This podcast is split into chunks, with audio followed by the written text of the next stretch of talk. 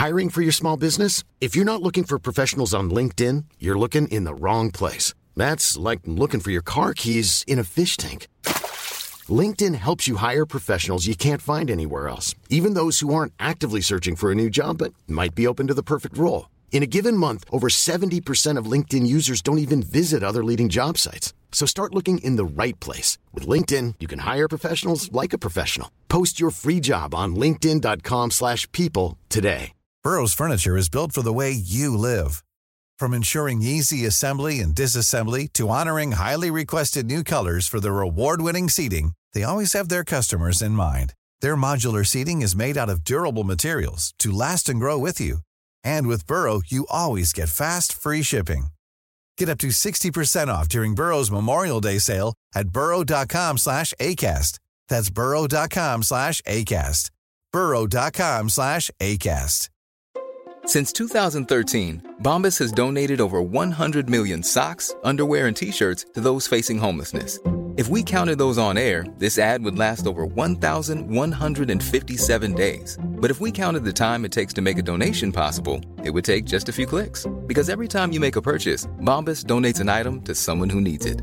Go to bombas.com slash ACAST and use code ACAST for 20% off your first purchase. That's bombas.com slash ACAST, code ACAST.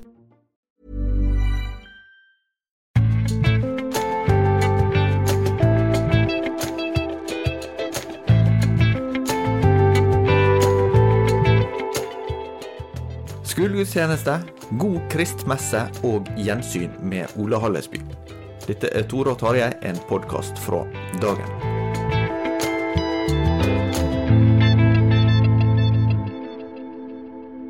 Tarjei Gilje og jeg, Tore Hjalmar Skjærvik, vi eh, ser nå at jula er veldig nær. Og eh, det preger også nyhetsbildet her i avisa, men preger det ditt daglige liv, Tarjei? Ja, det gjør det. Hvordan? Jeg bakte pepperkaker med barna i går kveld senest. Sier du det? Ja, Ja, jeg var på julekonsert med, med mine. riktig. Så det var, det var også en fin markering markering av at høytida nærmer seg. Ja. Ja, virkelig. Altså. Vi, altså, vi, har, vi skal ikke snakke for mye om vær i denne podkasten. Det, det- spesielt når vi bor i Bergen, så Ja. kan det, det kan ha nesten bare nedsider. Men, men eh, sånn snø og tørt vintervær, det har vi ikke for mye av. Men nå har vi det. Ja, jeg tror faktisk det var eh, rekord for den tida jeg har bodd i Bergen, og det begynner å nærme seg 25 år. Eh, så eh, for, for, Med mye snøfall på én dag Ja. denne veka. Ja. Nettopp. nettopp. Men det var, det var været. Det kommer jo vanligvis til slutt i sånne sendinger. Her kommer det altså først. Nei, men i Supernytt, der er det begynne med. Å ja, ok. Ja. Eh, Men det vi, vi skal jo eh, se på ikke så mye klimaspørsmål, men åndsklimaspørsmål. Åndsklima. Ja. Alt er jo åndskamp, egentlig. Ja. Og da eh, kommer jo nesten som et årlig tegn på at jula nærmer seg denne diskusjonen om skolegudstjeneste. skolegudstjeneste. I år så har vi fått et ganske sånn friskt utspill fra Unge Venstre, eh, der leder Ane Breivik sier til Nettavisen at eh, skolegudstjeneste eh, bør forbys, bli forbudt, eh, og eh, dette er noe elever ikke skal bli utsatt for. Og det er litt, Dette er jo ikke vitenskapelig, men, men det blir jo gjort da en slags meningsmåling, da, der er faktisk 17.046 som er svart per nå. At eh, Det var Nettavisen, var det det? ja, Ja. bør bli slutt på skolegudstjeneste. 22% sier ja, et forbud er på sin plass. 9% sier nei, men det bør bli begrensa. 69 sier nei, skolegudstjeneste er bare positivt. Ja. Interessant nok så samsvarer dette nesten nøyaktig med en, eh, en meningsmåling som Vårt Land fikk utført på mer vitenskapelig vis da, for eh, 10-11 år siden. Eh, kanskje det var 11, for det var Trond Giske som var, var den aktuelle statsråden på det tidspunktet for Arbeiderpartiet. Så det var iallfall før 2013. Eh, men, men det sier noe om at det det er et engasjement eh, blant en del eh, ja, i Livssyns-Norge og politisk hold, som ikke nødvendigvis ser gjenklang eh, i folkedypet. Nei, det er jo for så vidt talende, det, for dette er jo liksom den store, den store uh, gruppen i midten. Ja, og og bare for å skyte inn det, da, så så det også finnes aktuelle tall fra Danmark. Der hadde Kristelig Dagblad fått utført en undersøkelse. der var faktisk 79 som var positive. Det er jo enda mer folkekirkelig innstilt. Ja, og der, er, der har de jo i høy grad statskirke Ja. uh, fortsatt. Men, men, men det sier noe likevel, da. Ja, det sier en hel del, eh, og, det er jo litt sånn vanskelig å vite hva det sier. fordi at her vil jo, her vil jo Den norske kirke vise til dette, altså sitt medlemstall da, som, som et eh, uttrykk for styrke. Eh, Og så, når de samme medlemmene ellers blir spurt tror du på Gud, så er det ganske mange som svarer at nei, det gjør de i grunnen ikke. Eh, Men likevel så ser det ut for at skolegudstjenestene ja, det er jo en tradisjon som man gjerne vil ha. Ja, men, men vi ser også tegn på at de blir mer eh, omstridte lokalt. Ja, ja, helt klart. Helt klart. Jeg merket bare en sånn liten terskel vi har altså på skolen der barna mine går, så, så er det for første gang nå at alle må melde seg på det ene eller det andre. Altså det kreves aktiv påmelding, samme hva. Tidligere har det vært at man måtte melde seg av eh, gudstjenesten og, og melde seg på det livssynsnøytrale alternativet. Så det er jo en sånn, det er jo ikke en svær endring, men det er jo likevel en, en viss endring som kanskje sier noe om den utviklingen som skjer.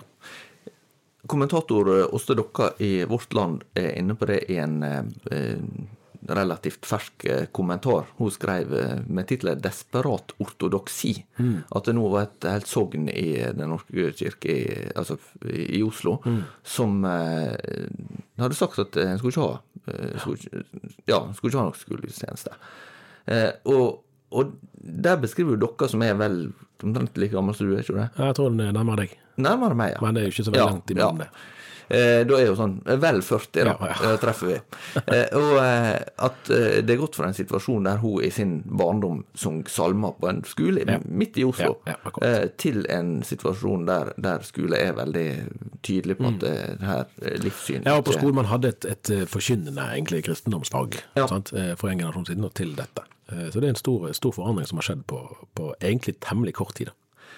Men, men hvordan eh, er det ellers vi ser at dette blir Altså, hva aktører er det som, som markerer seg? For, for, for jeg lurer litt på det når vi ser på det folkelige ja, Det er iallfall ikke, så vidt jeg kan vurdere, en utbredt sterk folkelig motstand eh, mot dette. Men, men, men du har en del sånne her eh, i leder et slags ledersjikt, da, eh, på, på litt forskjellige måter.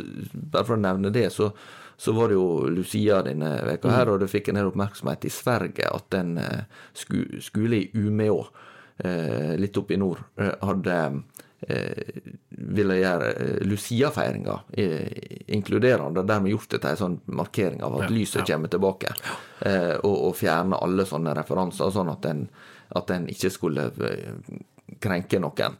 Eh, og, og inkludere alle, da, annet muslimske elever ble nevnt eksplisitt.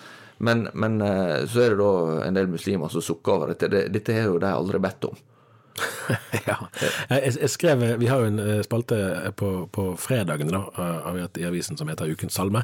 og Den skrev jeg til forrige uke. og Da skrev jeg, hentet jeg frem en tekst fra 2020 eh, om eh, Du grønne glitrende tre, god dag.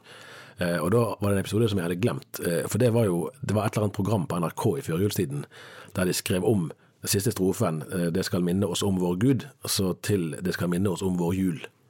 Eh, Og det var jo liksom eh, en sånn tilleggsgreie at man driver og skriver om på salmetekster. Det er ikke så populært uansett, men her var det i tillegg ja, altså sånn, det som blir oppfattet som en berøringsangst, og det ble jo beklagelse og, og greier. Eh, og så Det var et av det årets sånne stunt, eller hva vi skal kalle det for. Eh, og i år eh, er det Der er jo alltid noen sånne ting da, som kommer opp. Ja, Eh, Et år så endte vi, vi i redaksjonen her opp med å synge 'Deiligere Ja, det. på, på, på NRK. Ja. Jeg var innom for det. Ja, for da hadde jeg laget en, en eh, Det var vel en en slags livssynsnøytral 'Deilige jorden. Eh, Så der er jo noen interessegrupper som, som eh, ja, de, Jeg skal ikke påberope meg alltid å forstå hva, hva de mener, men at man i hvert fall ønsker å få religiøse uttrykk bort fra, fra fellesarenaene. Eh, Og sånn som når du hører om Lucia-feiringen, man, ha- man har ganske lav terskel for det som blir opplevd støtende. Da. Eh, Og jeg, jeg merker meg for så vidt en ting som i det som hun eh, Breivik i Unge Venstre snakket om, at For der oppfatter jeg at ordet forkynnelse, det har blitt Det har fått en annen valør enn enn det hadde. For, og litt sånn umerkelig kanskje, sånn glidning, at det er liksom det man advarer mot. Forkynnelse, det er, det er ikke bra. Eh, som om eh, prestens forkynnelse er den eneste formen for forkynnelse. Alle politikere er jo forkynnere, i en forstand. Altså De fremmer et budskap. Alle idealistiske organisasjoner, naturvernorganisasjoner osv. er jo forkynnere på vegne av sitt budskap. Men religiøs forkynnelse det er liksom en egen ting som man, som man skal ha ganske lav terskel for å, å, å beskytte seg mot.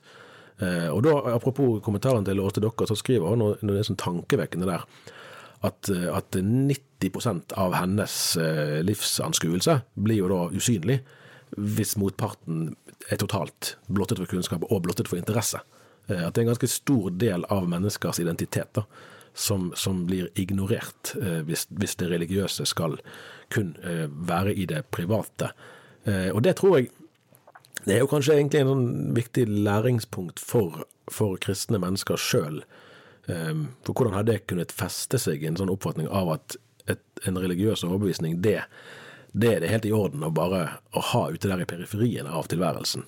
Eh, Hvordan har et sånt inntrykk kunnet få fotfeste da, i et samfunn som vårt med så dype kristne røtter? Da er det et eller annet som, som ikke har nådd frem. Da.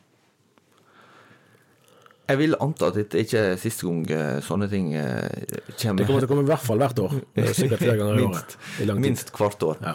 Eh, Så, så vi, vi vil nok komme tilbake til Men jeg er også tyder på at den forrige regjeringa avklarte jo at det med å ha skolegudstjeneste er Ja, for kanskje kan du si at jeg, altså, ja, det skjer jo helt klart en utvikling, og den, og den går på en måte fortere enn en man skulle tro, eller kunne forvente. Men samtidig så, de tallene du viste til nå om, om sympatien for disse gudstjenestene, og et inntrykk i hvert fall av oppslutningen om de, eh, så er jo at, at utviklingen på et visst nivå har kommet mye kortere enn man kan få inntrykk av, da, hvis man kun følger offentlig debatt. At, eh, at eh, tilknytningen til, til særlig folkekirken og til måtte, den kristne tradisjonen i Norge, den er mye sterkere. Eh, Og det er ikke sånn at, eh, at liksom nordmenn er blitt nå liksom eh, hardbarka ateister. Nei, ikke. og det- er jo også et interessant trekk hvis en ser på, på sekularisering i flere vestlige land. Da. Så, så er det vel mitt klare inntrykk ut fra flere eh, undersøkelser jeg har- sett på, at um, det er jo ikke sånn at det store flertallet blir ihuga ateister. Nei, at, at det er mer snakk om en slags eh, likegyldighet, eller kanskje en slags eh, mangel på interesse, eller, eller eh, en litt sånn eh, individuell dogmatikk, eller at en, at en mer eh, er mer subjektiv, da, men, hva kan legge vekt på, Ja, eller ja. tror på. Så, sånn at, eh, men, men det, det vil naturligvis finnes forskjellige segmenter, så annet en undersøkelse fra England som, som eh, fra den kristne tankesmia Theos, som, som opererer med tre kategorier av de som da ikke har eh, noen religiøs tilknytning. Der er en del av de som er aktivt eh, antireligiøse, men du har også de som er mer likegyldige, og så de som er velvillig innstilt, men ikke på en måte ja, ikke, ikke har noe standpunkt sjøl. Ja. Og du kan jo kanskje si at noe av, av fremtiden her vil jo bli avgjort av uh, hvem det er eventuelt som klarer å engasjere, eller i hvert fall å, å ha sympati da, fra den det som egentlig er et flertall, tror jeg, i Norge. Altså du har, Hvis du tenker at du har ateistene, eller da de som tilhører andre livssyn og religioner på den ene siden, og de aktive kirkegjengerne på den andre siden, så har du en stor gruppe i midten av de som gjerne er medlemmer i folkekirken, men som ikke er der så ofte. Eh, Klarer man å få kontakt med noen flere der, klarer man å, å endre opinionen eventuelt der, så er det jo det som gjerne blir som vil avgjøre kanskje eh, hva slags eh, status dis, altså, religion i offentligheten da, vil ha. For at det vil finnes ateister, det vil alltid gjøre, og at det vil finnes muslimer og hinduer og humanitikere og andre altså, religioner og livssyn i samfunnet, det vil det nok. Og at det finnes, vil det finnes aktive kirkegjengere, vil det nok alltid òg gjøre. Men hva for en legitimitet de ulike uttrykkene har i samfunnet, det blir jo testet. Og det vet jo egentlig ingen av oss svaret på. Så til neste tema, og det er spørsmålet skal vi si god jul, eller skal vi heller begynne å si god kristmesse? Ja. Dette var, jo, dette var jo egentlig fint. da. Ottar Myrseth, biskop i Den nordisk-katolske kirke, skrev om dette i en sånn i Fokus-artikkel, som har vært en sånn fast spalte i dagen siden før, tror jeg både du og meg begynte her. Eh, tidligere i desember, og så var det kollega Jarle Kallestad som laget en nyhetssak om, om det. Eh, den kom på forsiden av papirutgaven nå mandag denne uken her, og i går, tirsdag, var Myrseth i Dagsnytt 18. Ja, så sånn kan veien gå fra i fokusspalta til Ja, det Dagsnytt var, 18. det var en oppmuntring for oss som jobber med det. Ja. Eh, Anleggene til, til Myrseth er jo dette at eh, mye av julefeiringa blir lite prega av at det er kristen høgtid, men heller at det er en slags eh, eh, videreføring av, av eh, mitt vinters blot. mm. og at den eh, også har for lav bevissthet om dette blant de du nevnte i stad, som er aktive kirkegjengere og bekjennende kristne. Um, og noe av bevisstgjøringa han håper kanskje å oppnå, er rett og slett med å, med å endre begrepsbruken. At en blir nødt til å tenke over hva, hva er dette for noe mm. uh, vi, vi, nærmer oss. Der er det jo en referanse til uh, engelskspråklige land som har jo det ordet. Mm. Uh, Christmas. Ja. Uh, men en kan jo kanskje spørre om, om, det har blitt veldig mye mer kristent preg på det likevel mm. i, i, Storbritannia ja. og i Australia og, og så videre, sjøl om en, en helt annet begrep. Ja. Um, men, men um, hva oppfatter du at, at Myrseth oppnår ut fra den responsen som, som kommer? For, Jarle Kalstad snakker jo med flere andre uh, kirkeledere. Ja da, jeg oppfatter det. Selve Altså Det å erstatte jul med kristmesse, det, det eh, tror jeg knapt noen kommer til å, å gjøre. Men at de kan, begrepene kan leve sammen, side om side, det kan nok fint skje i mange kirkelige sammenhenger. Og, og, og, noe av det som jeg syns for så vidt var ja, på en måte det mest interessante med, med selve innfallsvinkel, innsteget til Myrseth, er jo at han henvender seg til kirkene. Eh, for én ting er å, å observere det man observerer i samfunnet rundt av hva julefeiringen er der. Det kan man jo mene ulikt om, men f.eks. at mennesker som ikke tror på Gud, eh, ikke ønsker å feire kristen jul, det kan man jo for så vidt forstå, eh, uten noen spesielt store evner. Men at kirkene skulle ha et mer likegyldig forhold til det, det er jo mindre logisk. Og så er det vel ingen som vil si at Kirken har et likegyldig forhold til jul, for jul vil jo være den definitivt langt, med langt margin, stor margin, viktigste eh, høytiden når det gjelder eh, oppslutning. Eh, men, men det er jo samtidig en hel pakke her med, sant, med adventstiden, med ventetiden. Det var jo fastetid for mange, og er det for noen ennå. Ehm, og eh, at, man er, eh, at det var vanligvis flere gudstjenester enn en ganske kort en på julaften. Eh, så her, altså jeg synes det, er mer konstruktivt fra et kristent ståsted å spørre hvordan vi som kristne sjøl, hvordan Kirken sjøl markerer høytiden, enn å refse de som går på julebord, eksempel.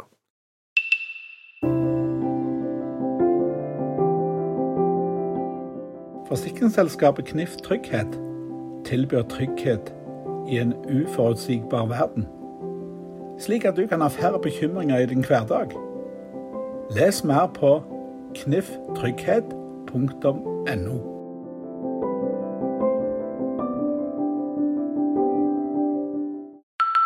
Det var jo en litt eh, morsom passasje i det, den Dagsnytt 18-debatten som jeg syns vi må, må, koste på oss å nevne. Og det er jo når eh, programledere spør har dere snakket om dette med de andre katolske kirkene i Norden. ja. ja. Eh, det virker vel som at det er en viss misforståelse som ligger bak der. Ja, hva er egentlig Den nordisk-katolske kirke? Ja, Det er fascinerende. Altså, det, det, tror jeg fører for langt å gå ordentlig ja. inn i det. Men, men, det er jo ikke en romersk-katolsk kirke. Det er jo det som er, er det viktigste. Vi, I menigheten jeg er med så hadde vi en gang besøk av, av Roald Flemmestad, som var biskop før eh, Myrseth. Og han forklarte det sånn at Den nordisk-katolske kirke, vi er katolikker, bortsett fra på de områdene der Martin Luther brøt med paven. Og etter en sånn definisjon så er jo alle protestanter egentlig katolikker. Eh, så, og, det, og, det, ordet betyr jo allmenn universell, eh, så, så, det er ikke for seg noe med paven og, og, Rom å gjøre, sånn sett. Selve ordet, mener jeg. Eh, dette er jo en, en, et veldig lite kirkesamfunn. De har et par hundre medlemmer på landsbasis. Og er på ingen måte å ligne med Den katolske kirke, som vi ellers kjenner. Nei, det, det er vel verdt å, å, nevne at flere av lederne, som du nevnte Flemestad, men også, også Ottar Myrseth og uh, Asle Dingstad, som uh, før han ble pensjonist, var forlagssjef i det som heter Luther forlag. Mm. Men var jo ganske kjent i Den norske kirke som, eh, som prost, fordi det ble mm. en relativt stor sak rundt at han ville fraskrive seg tilsynet ja, til, ja. til den, sin daværende biskop pga. Uh, eller forskjellig syn på, på spørsmål om homofilt samliv. Mm. Og eh, disse her som har vært ledere i den katol- eh, nordisk-katolske kirke, har vært relativt markante kirkedebattanter med stor teologisk tyngde. Ja. Så Derfor så er de på en måte vist mer igjen eh, som på lederplan da, enn kanskje sånn i aktivt eh, Ja, si. eh, kirkelig liv. Ja, For det er det er nok- relativt små menigheter, og ikke så mange heller. Nei da. Det er nok prester som egentlig heller ville vært i Norske kirke, om de hadde funnet rom der. Men Ja, og det de har jo vært de har vært der Og det, det er jo litt artig med nettopp Ottar Myrseth. Han har jo en bror som Ja. er biskop i Den norske kirke i. Tunsberg. Ja. Jan Otto Myrseth. Så eh, da- tok vi litt sånn eh, bakgrunn på det. Og det siste i dag, det er et annet kjent navn, men fra før vår tid. Ja, altså, i, i januar nå, eh, om en måneds tid, så er det 70 år siden Det må jo være kanskje den mest kjente preken som er blitt holdt i Norge på ja, 100 år. Jeg kan ikke komme på i hvert fall i farten hva for en enkeltpreken som er blitt omtalt oftere enn Ole Hallesby sin helvetestale. Nei, og, og spørsmålet er jo hvor kjente preiker før det egentlig blei. Ja. Så, så, så med, med fare for å være litt, litt dristig, da, men, men det er jo kanskje norgeshistoriens mest kjente Ja, enkelttall. Sånn, ja. Ja, det kan godt være. Eh, Ja, det er vel mm. Det er ikke lang- fordi at det før det kom radio på 1930-tallet, så, så blei jo lite kringkasta. Mm. Ja. Eh, Bokstavelig talt. Naturlig nok. Eh, Så jeg husker første gang jeg var inne, dette er jo Storsalen i Oslo, altså Nordmisjonen sin liksom, storstue der. Jeg husker første gang jeg var inne, for da hadde jeg hørt om dette før. Og jeg var liksom inne, oi, nå er vi i det rommet. Jeg syns ennå, nå har jeg vært der mange ganger, for det er jo stadig forskjellige seminarer som er der. Eh, men det er likevel noe, en sånn egen eh, atmosfære i, Ja. i den salen der, syns jeg. For å ta en kjapp eh, bakgrunn her. Ole Hallesby han eh, har nå fått eh, en ja, ganske omfattende teologisk presentasjon i en ny bok fra Hans Bringeland, som er professor på NLA høgskole her i. Bergen. Ja. Ja. Han har skrevet om Ole Hallesby sin teologiske etikk og etiske teologi. Eh, over 600 sider, eh, ganske massivt. Og hva er bakgrunnen for at han skriver en såpass omfattende bok? Det er jo fordi at Ole Hallesby var kjent for veldig mye mer enn akkurat denne talen. Det, det er jo på en måte nesten litt rart at eh, han skal bli huska for det enkeltbidraget, For han var en eh, kristenleder som vel jeg må kunne si var den mest innflytelsesrike på 1900-tallet i Norge. Det er ikke lite. Det, det er ikke lite, eh, for det var et kristent landskap som var ganske mye mer altså, Som var mye mer synlig, altså apropos det vi begynte med i dag. da, så, så, så, så hadde helt annen grad av innflytelse og oppslutning enn det vi er vant med å tenke i Norge i 2022. Og Hallesby han vokste opp i ei haugianerfamilie i eh, Østfold.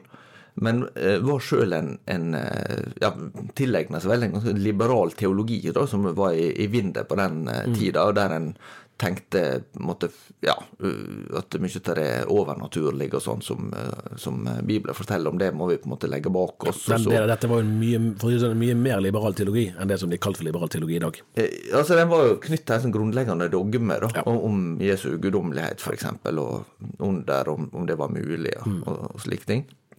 Og Jesu oppstandelse. Eh, jeg vet ikke hvor langt Ole Halsby gikk i den retning, men han hadde en veldig tydelig omvendelseserfaring som teologistudent. Eh, og, eh, og ble jo da etter hvert en veldig sentral eh, kristen leder som eh, professor på Menighetsfakultetet. Så han, eh, han jobba fra, fra start da, i, i 1908. Eh, eller i fall, Jeg husker ikke om han begynte det året, men han kom inn veldig, kom kanskje inn litt seinere, men, men veldig tidlig. Og så var han faktisk professor der i over 40 år. Han gikk av i 1961. Eh, eller var ja, det er ikke så nøye akkurat det med, med tallet, men, men han var der for lenge, og det var, han døde i 1961, iallfall. Og eh, i løpet av den tida så hadde han sentrale tunge verv som eh, leder i styret for, for Indremisjonsselskapet, altså det som var en av organisasjonene som i dag er blitt, eh, blitt Nordmisjon. Stor bevegelse på, på 1900-tallet. Eh, var styreleder der i over 20 år. Eh, og han var også med på å starte det som er laget, altså Norges kristelige student- og skoleungdomslag. Han var eh, leder også i Santalmisjonen en per kortere periode, som eh, da Nordmisjonen også har sine røtter i de to organisasjonene. Og han var sentral i kirkekampen under krigen, havna på, på Grini eh, i fangeleder. Skrev flere bøker som er solgt i veldig store opplag. Ikke minst kjente 'Fra bønnens verden', som er gått på veldig mange språk. Eh, Så, så dette her er liksom en, en leder av et virkelig format, og det er jo en av de tingene som, som også ble sagt eh, under presentasjonen av den boka som jeg, som jeg dekte da her i dagen, at det, eh, også av, av meningsmotstandere ble det sagt at Hallesby er en mann av dimensjoner. Så, så, så det var noe sånn som så, gjør inntrykk også på de som, som hadde han som en slags favorittfiende. Gå. Gå og have a look at the garden I've made for you. Dette er fra første episode i animasjonsserien Arven etter Adam, om da Gud skapte verden og mennesket. Snart er episode to og tre også klare. Det er Norea Mediemisjon som står bak serien Arven etter Adam. Se Arven etter Adam på Noreas YouTube-kanal.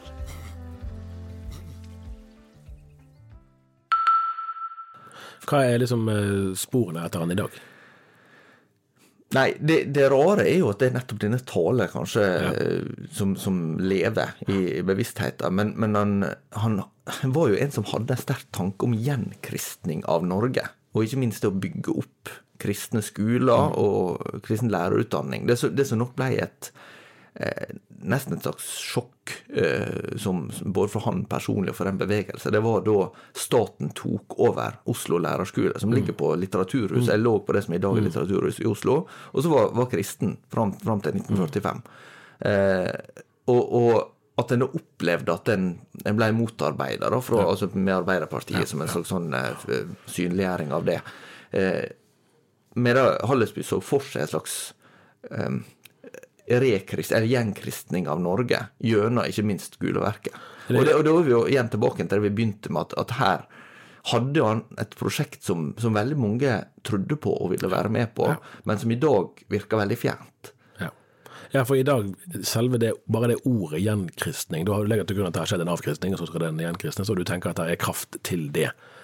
Eh, Det er ikke et ord som egentlig brukes synes jeg, noe særlig. Selv, selv på en måte de mest offensive kristenledere snakker vel ikke egentlig om noen gjenkristning av samfunnet med den type frimodighet som han kunne gjøre. da. Nei, og, det, det tror jeg er, er viktig å minne oss sjøl om, da, at, at dette var jo et samfunn der så å si alle var døpt, eh, og var medlem i Den norske kirke. Det var ikke noe omstridt av kristendomsundervisning. Altså, det, det, det var jo øh, kampen om hvor stor plass kristendomsfaget skulle ha, og sånn. Det går lenger tilbake. Eh, og, og der eh, hadde en jo med eh, at Arbeiderpartiet i en fase var veldig radikalt, og det var mindre. Eh, og, og før det kom i, i regjering, så, så hadde en jo på en måte planer om å avvikle eh, statskirka og få kristendomsundervisninga ut av skole og sånn, men det var jo lite realistisk å få, få oppslutning om. Eh, men, men en hadde jo samtidig da fått en eh, både en vekkelsesbevegelse og samtidig eh, så, som var ganske stor og hadde, hadde brei folkelig oppslutning i, det, i store deler av landet. Men på andre sida også en bevegelse vekk ifra Ja. kristendommen som en sånn sjølsagt kulturell fellesnevner. Kommer det frem eh, altså Gjorde Hallesby seg sjøl noen tanker om hvordan helvetestalen ble mottatt? Det blir jo fortalt at han hadde mottatt 1000 brev Ja. fra mennesker som i stor grad takker han for det han hadde, hadde sagt. Eh, Jeg har ikke funnet referanse for det. Det er sånn som jeg eh, Jeg hadde ikke anledning til å, til å sjekke opp grundig det nå, da. Men, men det er jo en eh, Han var jo en veldig sånn bestemt person som, som var, var klar for å gå i kamp. Så jeg, jeg tror det å, å møte motstand var nok eh, ikke det han, han var så veldig fremmede for. Ja, for det er en, en faktor der som jeg har lurt mye på, eh, og det er jo, det er jo helt sikkert riktig det at det er urettferdig å, å eksklusivt knytte han til den talen. Eh, Og det han sa der var jo heller ikke noe veldig banebrytende. Det er jo mange andre som har sagt lignende ting. Eh, Men jeg syns det er noe veldig gåtefullt og interessant i den virkningshistorien. At, at uh, fremdeles, som 70 år senere nesten, så refererer man til ja, vi må for all del ikke komme dit. altså uh, At helvetes skremsler blir en sånn Nei, det må ikke vi snakke om. Og, og liksom hvor påfallende det er hvor lite egentlig selve liksom fortapelsesscenarioet egentlig er omtalt fra prekestoler ikke bare i Den norske kirke, men òg i bedehus og frikirker. Eh, og, og mer eller mindre, da, jeg lurer på hvor mye kan man spore det tilbake til reaksjonene på den talen? Dette, ok, vi må ikke komme dit igjen. liksom. Ja, det, det var jo en, en eh, teolog eh, i Stavanger, tror jeg. Eh, Ragnar Skottene, mener jeg navnet, som som skrev om dette for eh, mange år siden. Jeg husker han var intervjua i dag når han hadde skrevet en bok om det. Og han mente at denne talen hadde skapt et slags traume eh, i eh, forkynnelse, ja. som gjorde at en, en hadde vegra seg veldig for å, for å gå inn i det. Altså, og dette går jo også inn i litt sånn større eh, kulturelle trender. Jeg så, så eh, Hallgeir Elstad, som er professor ved Universitetet i Oslo på, på Teologisk fakultet, der hadde eh, ment at dette avspeilte egentlig en sånn kulturell utvikling der dette etter hvert har blitt stadig vanskeligere å ta opp som, et, eh, som et tema i det hele tatt. da. Men, men eh, en har jo fått det aktualisert på nytt med når Bibelselskapet nå driver og reviderer Ja. eh, bibeloversettelsen sin, og der Johannes 3,16 nå ikke skal eh, Der det var snakk om å endre fra at for at hver en som tror på han ikke skal gå fortapt, til hver en som tror på han ikke skal gå til grunne. Altså i verdens mest kjente bibelvers, Johannes 3,16. Eh, Og så er det et nytt, nytt, nytt forslag at det ikke skal gå tapt. ja, det er det som blir vedtatt nå, forstår jeg. ja. Så, så, så det, der blir det jo endring. Og, og uh, Jon Kvalbein, som har vært en uh, flittig debattskribent her i avisa, har jo problematisert det. For han sier Mm. at det å gå fortapt og det å gå tapt er jo to litt forskjellige ting. Eh, på engelsk er det jo 'parish', som, Mm. som er jo det jo, altså det er jo sammenheng med periferi, altså du kommer vekk fra noe. Mm. Så, eh, men men eh, jeg merker jo det at den typen debatter, det, det, er litt sånn eh, Det er vanskelig å få det store engasjementet rundt det. Det går jo tilbake til det som vi snakket om for noen uker siden, om hva, hva teologiske debatter er det som, som virkelig kan, kan utløse et eh, sterkt eh, engasjement, enten i våre spalt, eller som kan bli fanget opp av andre, medier. Sånn. Nå er det akkurat som at dette spørsmålet er litt sånn eh, Det er der jo som en tema. En kommer aldri fra at det der finnes bibelvers som, som taler om det, og at også kirka sine, sine bekjennelser har eh, At det er to utganger av livet. Men, men det er akkurat som at det spørsmålet er det, Ja, det, det, det er ikke noen iver etter å ta det opp, så jeg, jeg fanger opp det. Nei. Er det en faktor her òg at eh, altså For som sagt, det er 70 år siden, siden denne talen, og da er det 60 år siden, eller drøyt 60 år siden han, eh, han døde. Um, er det en litt sånn uh, for jeg, altså, Vi snakket litt sammen om når du hadde vært på, på presentasjonen, uh, at uh, altså, det var vel ikke vår, vår aldersgruppe var ikke dominerende. Nei da, det er jo noe med at du har et arrangement på formiddagstid en torsdag, Jo, ja, så, det så virker jo Men det jeg lurer på om poenget likevel står ved lag, da. ja, Men det var ikke mange studenter heller. Nei, presis. Ja. Altså at, at, for egentlig så tipper jeg at hvis du hadde spurt studentene, da, hva forbinder du med Ole Hallesby, så kan det neppe Ja, er det noe som helst, egentlig. Eh, altså, for, for her, man har jo Alle bevegelser har jo sine helter. Sant? Ja. Og, og i denne bevegelsen så er jo liksom Wisløff, Carl Fredrik Wisløff, som også var professor, og Hallesby, er jo av de mest sentrale på 1900-tallet. Eh, men, men når det er de man snakker om nå, da, er det fordi at det har vært egentlig mangel på ledestjerner i mellomtiden? Ja, altså, jeg, jeg, jeg tenker at um, her ser en kanskje at landskapet endrer seg, og dermed så endrer også ledertypene seg. Lederskikk. Og det handler litt om hva typer du får rekruttert, men også hva der er etterspørsel etter. Altså, jeg tror en type Ole Hallesby, som, som Hans Bringeland var, var inne på, med, med de som, som måte hadde tillit til hans sine, eh, sine vurderinger. Han ble oppsøkt også av ganske mange som, som rådførte seg om personlige spørsmål og sånn. Så, så eh, var det noe sånn trygt og appellerende i å ha en lederskikkelse, fordi du hadde en delt virkelighetsforståelse der han var den beste til å fortolke den. Jeg tror det handler nok om det, men da, mange kristne i dag opplever at du har mange flere impulser på kryss og tvers. Altså han, han sto jo en veldig definert teologisk, eh, lavkirkelig, luthersk vekkelsestradisjon, eh, og, og var en tydelig liksom, eh, ja, identifikasjons- og lederfigur. Eh, som, for, fordi at du hadde en slags, et, et misjonsfolk, eller et kristenfolk, som, som hadde veldig mye felles. I dag så tror jeg kanskje at eh, kristne opplever å ha noe felles fordi at den har noe en slags felles utfordring da, i møte med en sekularisert og en pluralistisk samtid, men den har i mindre grad et definert felles grunnlag. Ja. Eh, og det er at den kan, det er ikke så lett å stå fram som en leder som, som representerer så mye, da. For det, det er mindre å finne gjenklang i. Jeg lurer på om det må være så langt vi kom i denne omgang. Så langt, Ole Hallesby. Men vi er tilbake neste uke. Takk for nå. Ha det bra.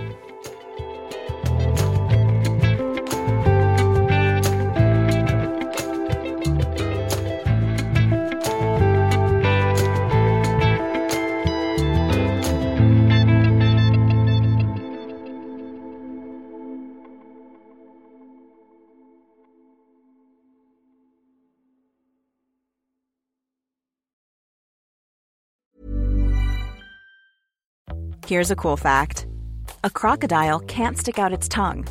Another cool fact you can get short term health insurance for a month or just under a year in some states. United Healthcare short term insurance plans are designed for people who are between jobs, coming off their parents' plan, or turning a side hustle into a full time gig.